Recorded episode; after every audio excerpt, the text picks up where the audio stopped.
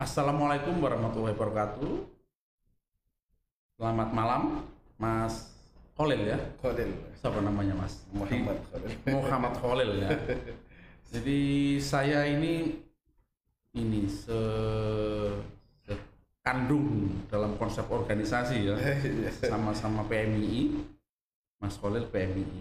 Tapi saya sebenarnya belum cukup tahu siapa Mas Khalil itu, tapi saya lihat tulisan-tulisan Mas Khalil cukup membantu saya untuk kayaknya penting ini bicara kritis itu. Ah, begitu Mas. Oke Mas, apa namanya? Mungkin kita ngomong-ngomong tipis-tipis saja. Ini dimulai dari apa ya? Apa yang pikiran Mas tentang kritis itu menjadi penting? Apa atau mulai definisi kritis itu apa sih Mas?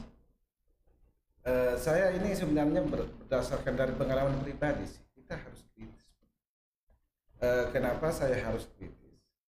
Karena memang kritis itu kalau saya ini kan dari pesantren. Hmm. Jadi kritis itu saya dogma bahwa kita harus kritis Hmm. dan itu mendarah daging bagi saya itu. Hmm. bahwa saya sangat ingat betul bahwa kulil haqqa walau kana murra itu tertanam pada diri kita, Hmm. diri santri. Maka semenjak saya menjadi PMI itu adalah buah eh, istihad saya untuk melakukan kritis adalah melalui PMI. Hmm. Dan saya di kader di PMI saya memang kritis dulu. Hmm. Waktu senior-senior saya membicarakan kritis, kritis. Hmm. Dan saya sempat melakukan demo, walaupun demo itu eh, bagi sekarang kayaknya makruh sudah hukumnya ya. atau kritis itu makro. bagi sekarang itu kritis kayaknya sudah mulai. Sudah. Artinya banyak yang nggak senang dengan orang Ya. kritis gitu. Ya. Sehingga mahasiswa sekarang banyak yang tidur lah bahasa bahasa saya tidur lah mahasiswa itu. Nah, ini menyebut IKPMI ya. Jadi IKPMI itu Ikatan Keluarga, Keluarga alumni, Alumni pergerakan. Pergerakan Mahasiswa Islam Indonesia. Itu yang saya kenal Mas Khalil sekandung dengan saya mulai bicara kritis. Masuk ke mahasiswa tadi Mas Khalil itu. Itu nanti digugat loh. Nggak, nggak objektif kalau bilang mahasiswa tidur ini. Iya, iya, iya. ya tinggal lihat aja realitanya. Silahkan mau mau ngomong mahasiswa nggak tidur bangun, tapi ya ya kita wacanakanlah tetap ini bahwa kita harus Nah, kritis. kita sedang ingin membangun apa positioning bahwa kita menyetujui kan gitu tuh mas? Inti inti niat kita kan begitu. Menyetujui kritis. nah, menuju menyetujui kritis itu terhadap kepentingan mahasiswa yang yang sedang melakukan gugatan-gugatan intelektual gugatan-gugatan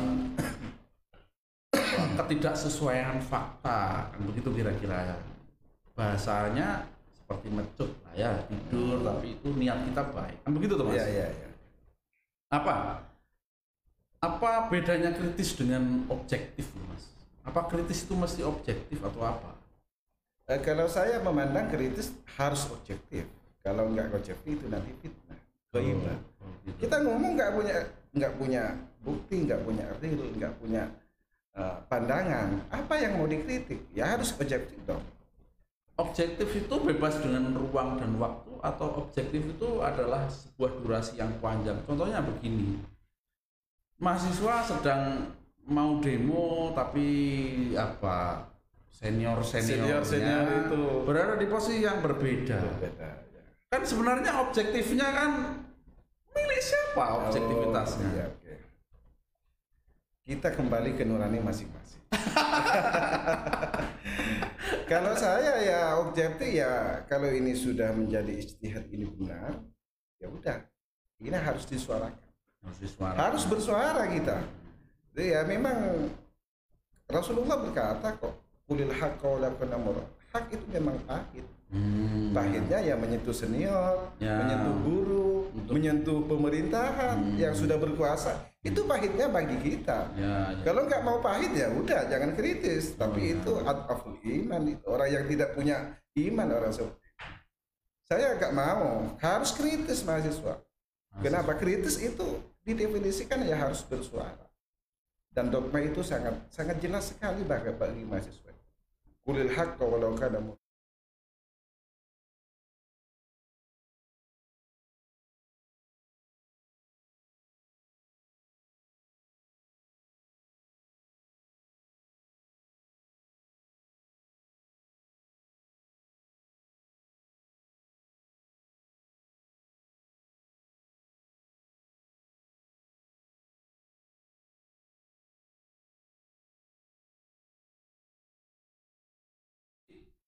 yang mungkin mungkin mungkin ini apa penghambat ruang kritis ya, itu adalah ya objektivitas itu objektivitas itu harus ruang waktunya dikuasai kan begitu kira-kira gitu. Iya, iya, iya. Ada ruang dan waktu. Ada ruang Ada ruang dan waktu. Kalau kita misalnya membicarakan hari ini pemilik hak itu adalah yang sedang berkuasa itu objektif kan Nono. Ini negara harus diakselerasi dengan damai karena ini investment kan begitu. Hmm. Yaitu pemilik objektivitasnya awakmu. Tapi kan Awakmu, kamu ya. bilang ini bahwa perdamaian ini kalau merugikan banyak orang kan begitu kan? Nah, kan repot. Iya, objektif itu memang banyak varian ya. Artinya Hmm. objektif bagi siapa? gitu. Hmm. Tapi yang jelas itu nurani berbicara itu. Di, di kita juga punya tolak ukur kritis itu antara ma- mafsadat dan manfaat. Saya bicara ini apa manfaatnya, Hmm. apa madaratnya, kan seperti itu kan. Hmm. Nah itu tentu bagi mahasiswa yang kritis, yang intelektual Hmm. itu menjadi tolak ukur juga. Kalau saya bicara seperti ini, saya mafsadatnya seperti ini, dampaknya seperti ini, kerugiannya seperti ini, manfaatnya seperti ini. Maka kita akan mengukur Nah, mana manfaat dan madarat yang lebih banyak. Kalau lebih banyak manfaatnya udah bersuara. Itu sudah benar. Dalam dokter pesantren itu benar. Kalau sudah berbicara lebih banyak manfaatnya, maka berbicara.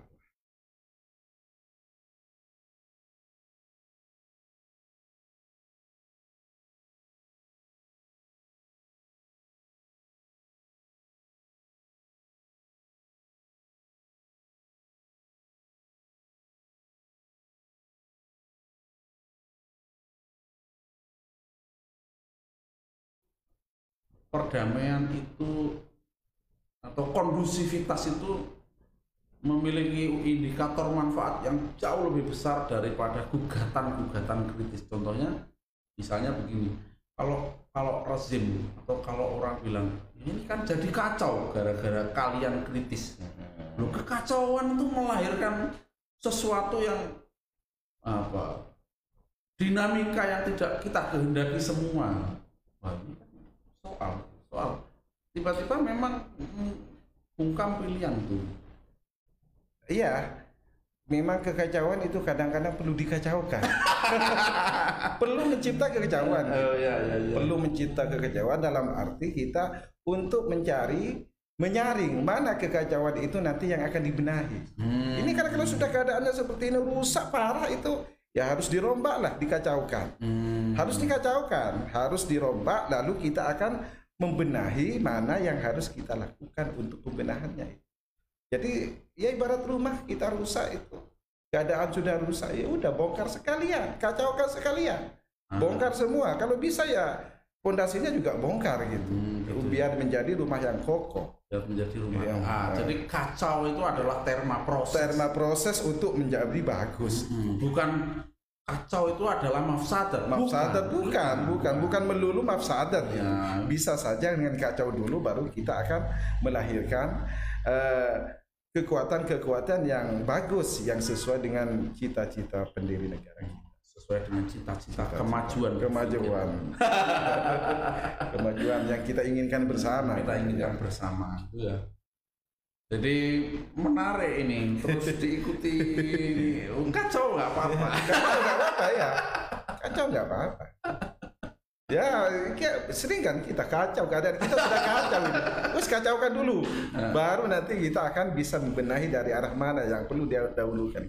nah kita bicara sedikit tentang ini Mas Kolil kan sudah tidak mahasiswa. Apa idenya kalau kita sedang mendorong? Butuh kritisnya itu idenya apa? Supaya anak-anak. Tadi kan bilang ini kan saya lihat kan sebenarnya gelombang IK baru gelombang Iya, iya. IK PMI yang sedang ingin Sedang. berkehendak mendorong mahasiswa menjadi kritis. Apakah IK lama? Enggak ya kita hormat lah ya, Iya, iya. hormat Pak Pak siapa Nah, Amir Pak Maliki. Amir Maliki, Ya, Pak Amir Maliki. di tengah Iya. kritis macam-macam tetapi Pak Amir Maliki juga sebenarnya harus mahasiswa harus kritis. hmm, Beli- Beliau itu menyampaikan bahwa masa mahasiswa harganya jas alma mater harga realnya itu 100 ribu dijual 300 ribu mahasiswa nggak ngomong itu kan nggak kritis itu mahasiswa apa itu? Itu Pak Amir Maliki mengatakan seperti itu. Jadi artinya memang mahasiswa itu harus kritis dari kampus. Dari hal-hal kecil harus dikritisi. Pak Amir di tengah Di tengah- kritisisme dirinya sendiri saya kira kuat. juga kuat. ya Cuma mengoperasionalkan ke ke ini, ke mahasiswa itu ke mahasiswa dan ke ruang ke publik ruang publik ya terbatas Nah, masih sangat kita harapkan Harapkan, ya. lebih lebih kuat lagi. Artinya Pak Amir Pak Amir jilid kedua generasi berikutnya itu harus ada yang seperti Pak Amir Malik.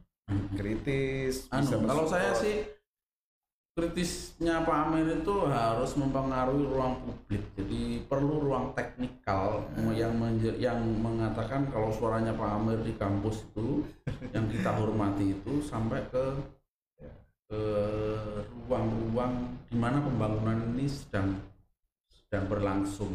saya ngefans dengan Pak Amir dengan ide-idenya yang harus kritis. Karena Pak Amir santri tentu memaknai kritis itu ada batas-batasannya, mana yang perlu dibuat eh, kacau, mana yang perlu didandani sedikit-sedikit, diperbaiki sedikit-sedikit. Gelombang kemudian kita geser ini gelombang Ika baru. Ya, Ika baru sekarang ya.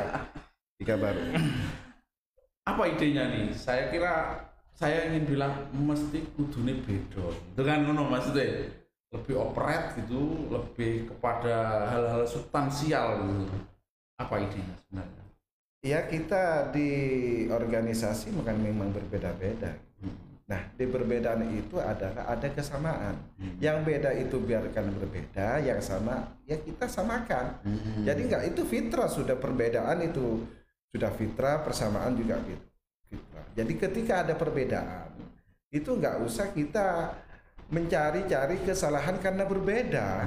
Yang penting itu dia bergerak tidak merongrong, tidak merusak ekosistem eh, ekosistem alam ini yang sudah ditata dengan bagus. Kalau bisa ya harus lebih bagus. Ya, maksud saya gini, gelombang kritisisme yang sedang ingin ingin digaungkan oleh IKA PMI Unibdu, saya kira apa ada sesuatu yang yang besar yang dilihat atau sebenarnya apa gitu sesuatu yang besar dilihat itu misalnya sebenarnya posisi IKA itu membantu mahasiswa iya tapi bersuara untuk kepentingan kepentingan global kan saya kira menjadi sesuatu yang penting untuk membantu narasi ruang publik Ya, itu memang menjadi cita-cita saya dan kebetulan ketemu sampean itu. Hmm, kok ini ya. kok sama gitu. ya ya Jadi saya agak punya media ke mana harus Hmm. harus membicarakan ini kan. ya, ya. Sebenarnya kritis saya sudah sudah lama ini. Mahasiswa tidur lama itu saya sudah berasa apa salah diri diri mahasiswa itu. Ya dengan adanya IKA ini maka saya terus bergerak mengajak teman-teman untuk selalu menyuarakan ketidakadilan, Hmm. menyuarakan ketimpangan, menyuarakan kesemena-menahan dari orang yang punya kuasa. ya itu Yang penting kita balance, adil, ya udah selesai. Kan Ya. itu. saya kira itu kan menjadi fungsi yang bertukar informasi dengan mahasiswa posisi IKA sangat strategis apalagi posisi IKA itu di luar apa di di atas semua partai politik Nah, ya itu modal kami. ini kan Modal modalnya kami, ya. modalnya kan di atas semua partai politik ada yang Ada yang PMI, Gerindra, Gerindra, ada PMI, PKB, ada P3 Demokrat, ada. Demokrat saya kira itu Iya. serius kalau bisa di menggaransi data kepada teman-teman Saya cuma tekankan ke mahasiswa itu jangan sampai Anda itu idealisnya tergadaikan. Hmm. Apa sih kita maunya di, di dunia ini? Kalau nggak kritis apa? Berarti menggadaikan ide kan? Artinya jangan sampai sampean itu tidak bersuara ketika ada kebatilan di tengah-tengah kita. Hak hatta itu senior kita. Berani nggak ada? Senior kita melakukan ketidakadilan dalam mempunyai kekuasaan tidak? Hmm. Berani enggak sampai? Nah di situ idealis yang perlu ditanam. Nah idealis itu di, perlu kita pupuk, du- dukung. Itu saya kembalikan dengan eh, dogma-dogma agama. Dan itu memang sudah ada. Itu. Kritis itu sudah diajarkan oleh agama. kritis gaya pergerakan mahasiswa Islam Indonesia itu punya makna tersendiri. Itu makna sendiri. Eh, apa, mengkolaborasi apa dogma-dogma agama. Dogma agama itu jadi satu misal lah. Ini anu ya, maaf. Kalau memang senior kita itu yang punya kuasa itu jatuh ke hal yang nestapa yang urusan privasi, udah itu urusan privasi, nggak usah dikritisi. Hmm. Tapi ketika menangkut kebijakan, mengangkut kebijakan orang banyak, Hmm. yang itu afatnya atau mafsadatnya itu ba- kembali ke banyak orang, maka harus kritis. Kalau cuman senior itu maaf ya sering ke kafe gitu ya, ya udah itu privasi. Ya, saya kira kita akan inilah apa sedang ingin apa berada di ruang publik yang PMI membantu kritisisme dalam konteks apa negara berkemajuan atau negara apa, menjadi lebih demokratis. Beberapa waktu yang lalu saya kira saya senang ketika misalnya berita dorong-dorongan atau caos di pendopo. Cuma nampaknya kita sedang apa tidak tidak ada data yang cukup bahwa waktu itu ada momentum apa akselerasi anggaran pemerintah daerah. Itu perbankan pemerintah daerah dikumpulin ada OJK macam-macam. Nah teman-teman idenya kan ide-ide transparansi. Nah saya kira kita sedang ingin lihat kalau urgensi tentang transparansi dikomparasi dengan kepentingan pemerintah daerah yang harus mengakselerasi sektor real, saya kira itu di samping caosnya bisa lebih tajam. Mas, meskipun caosnya sudah agak benar dikit. Kalau saya sih begitu. Caos itu Da- Dari sisi chaosnya itu adalah sebuah kebenaran yang memang harus terjadi chaos di situ. kalau saya sih mungkin ini me- bena- sebuah kebenaran definisi aja. Ke- kalau demo itu ya rodok caos, Rek. Kalau, kalau itu definisinya begitu, tapi kalau demo itu kayak ini kan berarti karnaval. Ya, ya, ya. Kayak karnaval gitu kan. Ya enggak demo itu karnaval. Ya, ya, ya, ya. Jadi saya tekankan lagi mahasiswa itu adalah agen of change, agen control of social. Hmm. Bahkan itu mahasiswa adalah sebenarnya disiapkan untuk mengganti Hmm. penerusnya kan. Jadi ya saya jangan hanya demo, mahasiswa baca juga. Ya, gitu. ya, ya. Biar nanti kajiannya itu biar nggak malu-maluin gitu Ya. ketika mau menyampaikan aspirasi tapi nggak tahu istilah-istilahnya itu Hmm. itu kan mengacaukan mahasiswa sendiri ya, ya. jadi harus intelektualnya benar terjaga intelektual adalah digunakan untuk melakukan dasarnya pergerakan mahasiswa adalah atas intelektualitasnya itu Yo intelektual untuk itu. ya kalau berangkat ya mau nggak punya modal apa-apa ya apa bedanya kita Iya. dengan tukang bulat? Juga Jadi- ya cari preman aja demo Jadi demonya transparansi, transparansi tapi dan ilmiah gitu loh. Transparansi demonya, tapi narasi di dalam kenapa perlu transparansi? Kan perlu dikaji. Eh, dikaji. Apa A- ya Terus ada apa sekarang ini? Pemerintah sedang melakukan apa dan kaitannya dengan transparansi yang tidak transparan apa? Itu harus menjadi basis data yang betul sekali itu mau bicara menuntut undang-undang sementara belum baca undang-undang itu lucu kan Iya, iya. jadi saya nggak sepakat mahasiswa seperti itu Sebenarnya dari dulu termanya tetap sama. Demo itu adalah alternatif terakhir. terakhir ya terakhir Kenapa terakhir? Makanya kenapa terakhir itu ya karena sudah terakhir ya rodok caos rek. Jam sedikit ya. itu kalau sebenarnya di agama itu bukan bukan aturan terakhir itu. Hmm. Ini ono pejabat yang rodo nakal titik ya udah geruduk langsung. Itu manra aminkum falyughayyir biyadi. Siapa yang melihat kebobrokan Hmm. maka udahlah kita langsung.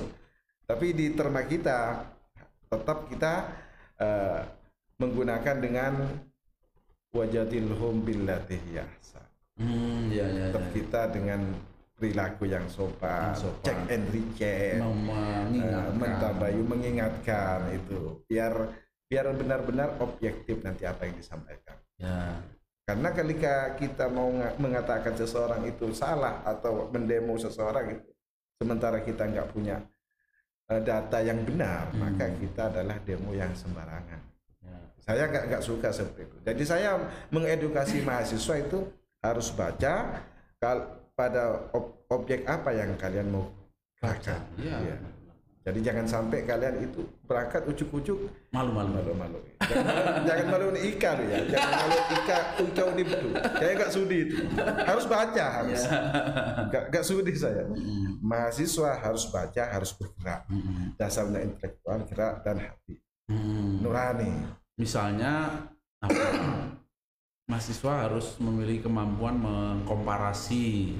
Salah satu contoh misalnya visi bupati tentang berdaya saing apa berkarakter dan berdaya saing.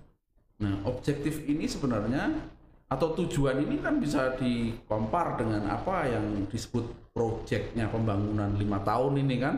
Apakah menuju ke situ apa enggak? Itu butuh kajian-kajian yang serius butuh data-data yang baik.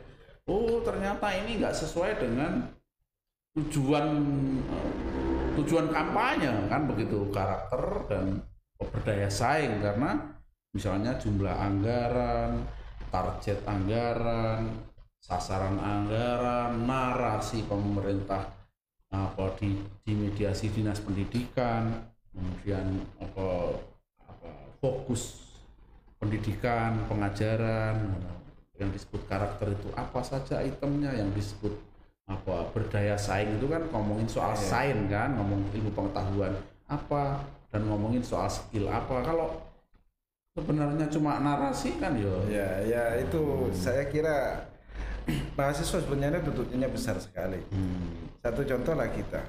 Kita mau mengkritisi masalah KKN. ya KKN KKN itu. KKN kan sekarang masih marak. Mm-mm. Cuman mahasiswa kita kan nggak bersuara. Hmm. Iya kan? ya ya ya Di raja-raja kecil KKN-nya tuh lebih besar, lebih besar. Di raja-raja raja-raja kecil KKN-nya lebih besar. Nah, baru sekarang raja-raja besarnya itu KKN-nya sudah bisa terkontrol karena mungkin ini manfaatnya demo waktu zamannya Gus Dur ya. Mm, Tahun 98. 98 itu ya. Itu eh, raja-raja besarnya itu sudah mulai bisa bisa memperbaiki lah. Tapi ini di atas ini sudah KKN-nya berkurang tapi ini pindah. Ini kan menyebar. Menyebar malah. Ini bukan menyelesaikan masalah ini virus menyebar malah lebih luas gitu. nah di situ di situ ketika menyebar lebih luas maka otomatis lebih sulit lagi untuk bersuara. Ya lebih sulit lebih sulit. kawan-kawan kawan-kawan kawan-kawan ada di situ sudah ini dari mana mau diperbaiki ini? Iya kan? Dari mana? Ngeritik ini ini kawan sendiri nggak jajak ngopi ngajak ngopi. Kawan sendiri. sementara ini pelaku KKN ini. Tambah sulit. Anu jadi ada dua terma yang menyakitkan kadang-kadang itu soal kawan itu. Jadi kritis itu ada dua apa stigma satu nggak kebagian yang satu kalah konstelasi ya, ya, ya, ya, ya. ya. Ya, jangan sampai seperti itu. Nah, makanya ketika kita kritis, maka akan ada di balik kritis. Walah, kamu gak kebagian ngomong aja ya. Itu kan gak fair kan ya? gak fair banget itu ya. Ya, memang orang kritis memang ada dua dua anu definisi. Bisa karena gak kebagian, bisa kalah bisa konstelasi instalasi. Yang diem juga ada dua kemungkinan. Biar bisa dia sudah dapat atau dia memang nggak peduli. Hmm, ya, ya. sudah tenang dia Tenang, tenang dengan keadaan itu. Oke oke, ini saya baca dulu, Mas, untuk eh, pertanyaan maupun komentar atau statement. lah. Kritis membutuhkan mindset yang kuat terkait dengan berpikir analisis.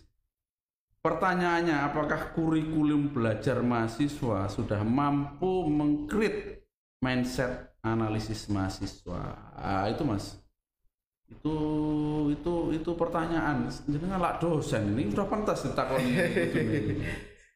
Ya, kurikulum itu di Mas Ruby namanya Mas Ruby ya. Ruby Setiawan Eh, Iya, di kurikulum itu sudah ada kritis. Hmm. Tapi ini pelakunya kadang-kadang kamu sendiri ini Hmm. yang tidak me- menerapkan kekritisan. Hmm. Ya udah, misalnya kalau sudah mahasiswa nggak kritis di kampus dan dicekal kritisnya di kampus, terus apa fungsi kampus ini? Sekarang ini apa fungsi kampus? Kalau mahasiswa sudah berarti kan kurikulum kampus itu sudah tidak memberi ruang kepada ruang kritis, ya iya kan? kurikulum kampus itu sudah kritis sudah ya belum I- ada terus Ada kecukupan lah kira-kira ya? Ada kecukupan untuk kritis ya. ya? Ya tergantung pelakunya lah, kepentingannya apa itu. Pendidikan kampus apa sih? Kan untuk mencerdaskan anak bangsa, menyuarakan iya. kebenaran. Kalau ke- kampus menjadi ajang untuk berarti kecukupan kecukupan visi dan kecukupan kurikulum saya kira sudah saya kira sudah sudah ya. mulai dari kampus didirikan Ya, mulai, mendirikan. Tapi mulai- jangan sampai indah di dalam kertas, tapi tidak ada aplikasi. kan ada istilah menara gading ya Oh, menara gading. Iya, jangan sampai kampus jadi menara gading. Walaupun nampak sekali kampus menjadi menara gading. itu yang ingin dibongkar oleh Ika saya kira. Ya harus bongkar itu, harus bongkar. Nah, saya bongkar itu biar kita anak cucu kita lah bagus lah Ya. kita punya pemikiran. Kampus tempat produksi wacana ya, biar nggak kalah terus ya. Kampus tempatnya orang intelektual. Kampus ad- mahasiswa adalah agent of change. Mahasiswa adalah agen social of control. Mahasiswa adalah penyiapan pemimpin kita, generasi kita. generasi lah ya. Nah, ya harus ada kritis, harus bersuara, harus dimulai. Kan di pergulatan bersuara bukan momok kan di situ memang perlu diasah. Hmm, Dengan kritis kita akan menjadi belajar sendiri. di situ harus Ya, artinya kampus itu harus memberikan ruang kritis gitu. Jadi ruang-ruang kritis terhadap, terhadap kebijakan kampus sendiri harus diberikan ruang kritis. Jangan sampai kampus itu membuka mahasiswa untuk tidak kritis. Saya tidak tidak sepakat. jadi apa berpikir itu adalah kritisisme. Berpikir adalah kritis. Kalau Jadi kritis. ber- kalau berbicara tanpa berpikir itu berdoa. Iya, Kata Rocky Gerung. iya betul. Betul sekali itu. ya harus berdebat kan begitu harus katanya. berdebat. Harus di kampus tempat berdebat. Jadi berdebat bukan sebuah sebuah dosa. Kritis bukan dosa. Yang dosa itu adalah yang fitnah, yang gibah, yang Ya, mengada-ada. mengada. Makanya saya sarankan ke mahasiswa sebelum anda itu ngomong harus mikir, harus punya data, jangan asal update status loh. Ya kan? Nanti bahaya itu. Sekarang ini kan dinamikanya ini. Kalau di Jombang itu kan ada tiga gelombang besar ya. Misalnya kritisisme itu apa, mandek tadi kan misalnya atau kritisisme itu diuji kekuatannya ya toh gelombang pemilu ya toh gelombang satu gelombangnya mungkin kekacauan 10 tahun mahasiswa nggak bersuara. nah, oh, itu 10 apalagi. tahun 10 sudah nggak bersuara itu. bersuara. Suara-suara sedikit udah dindek lagi. Kan kita kan punya power-power yang teman-teman kita sen- sendiri yang sudah punya bisa makan sudah kan ya Oh. udah kita mau suara dikit ambil ketuanya mental-mental seperti itu jangan ada di mahasiswa Hmm. Jangan-jangan mental-mental dibayar itu jangan ada lah. Kita eh, kita masalah rezeki ada sendiri kan? Hmm. idealitas idealitas itu harus kita bangun. Eh, bangun di bangun tengah situasi yang yang tekanannya semakin kuat ini kan? Tentu orang yang krisis tentu banyak musuhnya. Ya, tentu itu iya. Pasti banyak musuh. Apalagi kalau apalagi kritis teman sendiri. Kalau itu mental. Kalau itu mental mental kita mungkin yang perlu apalagi alma mater sendiri itu kan pasti dicap suladap loh ya. Hmm, tapi nek saya sih mungkin yang agak berat itu kalau kritisisme terhadap apa sistem pembangunan global, misalnya sistem pembangunan negara itu kan memang menjadi menjadi krusial tapi yang tadi itu berat, berat berat.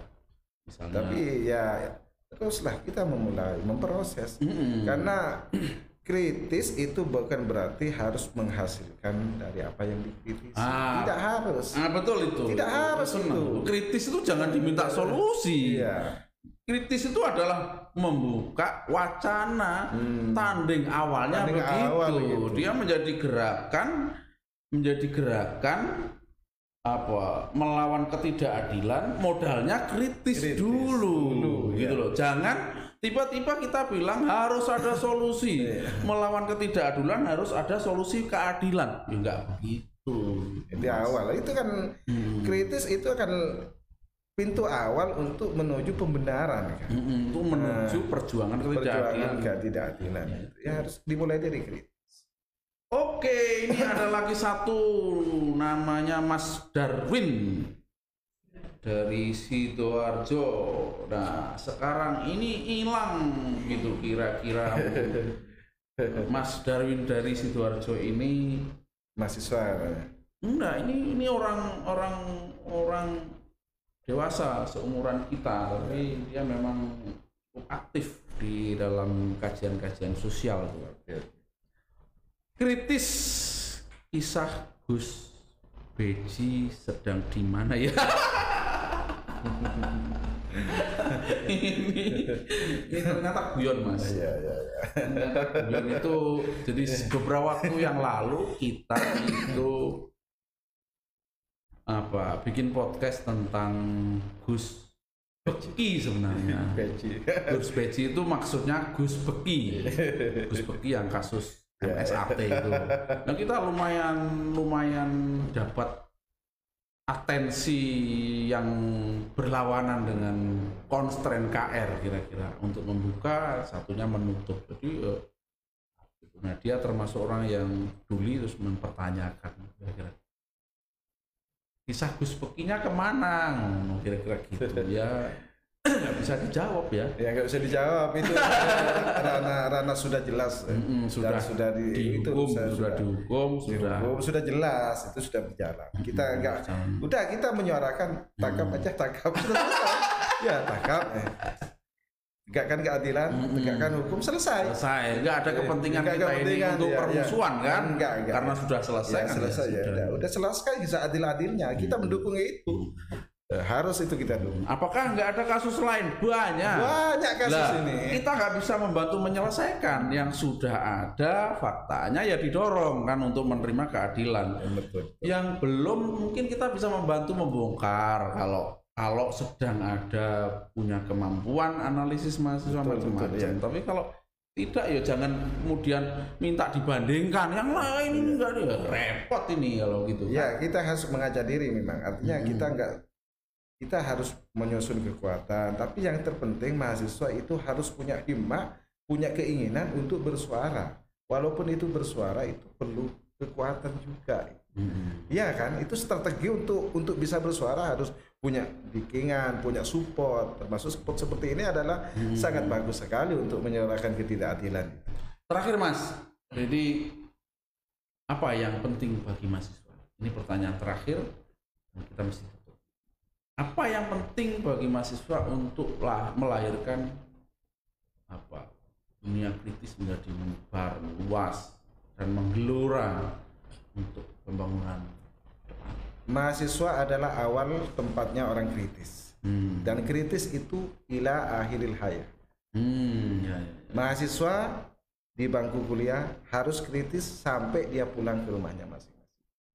Itu saja. Kritis itu adalah dogma agama. Oke. Jadi dogma agama ya udah kita tekan terus support untuk dan beri contoh mahasiswa untuk melakukan kritik terhadap kebijakan-kebijakan pemerintah, kebijakan lingkungan yang sekiranya di situ memang tidak berkeadilan.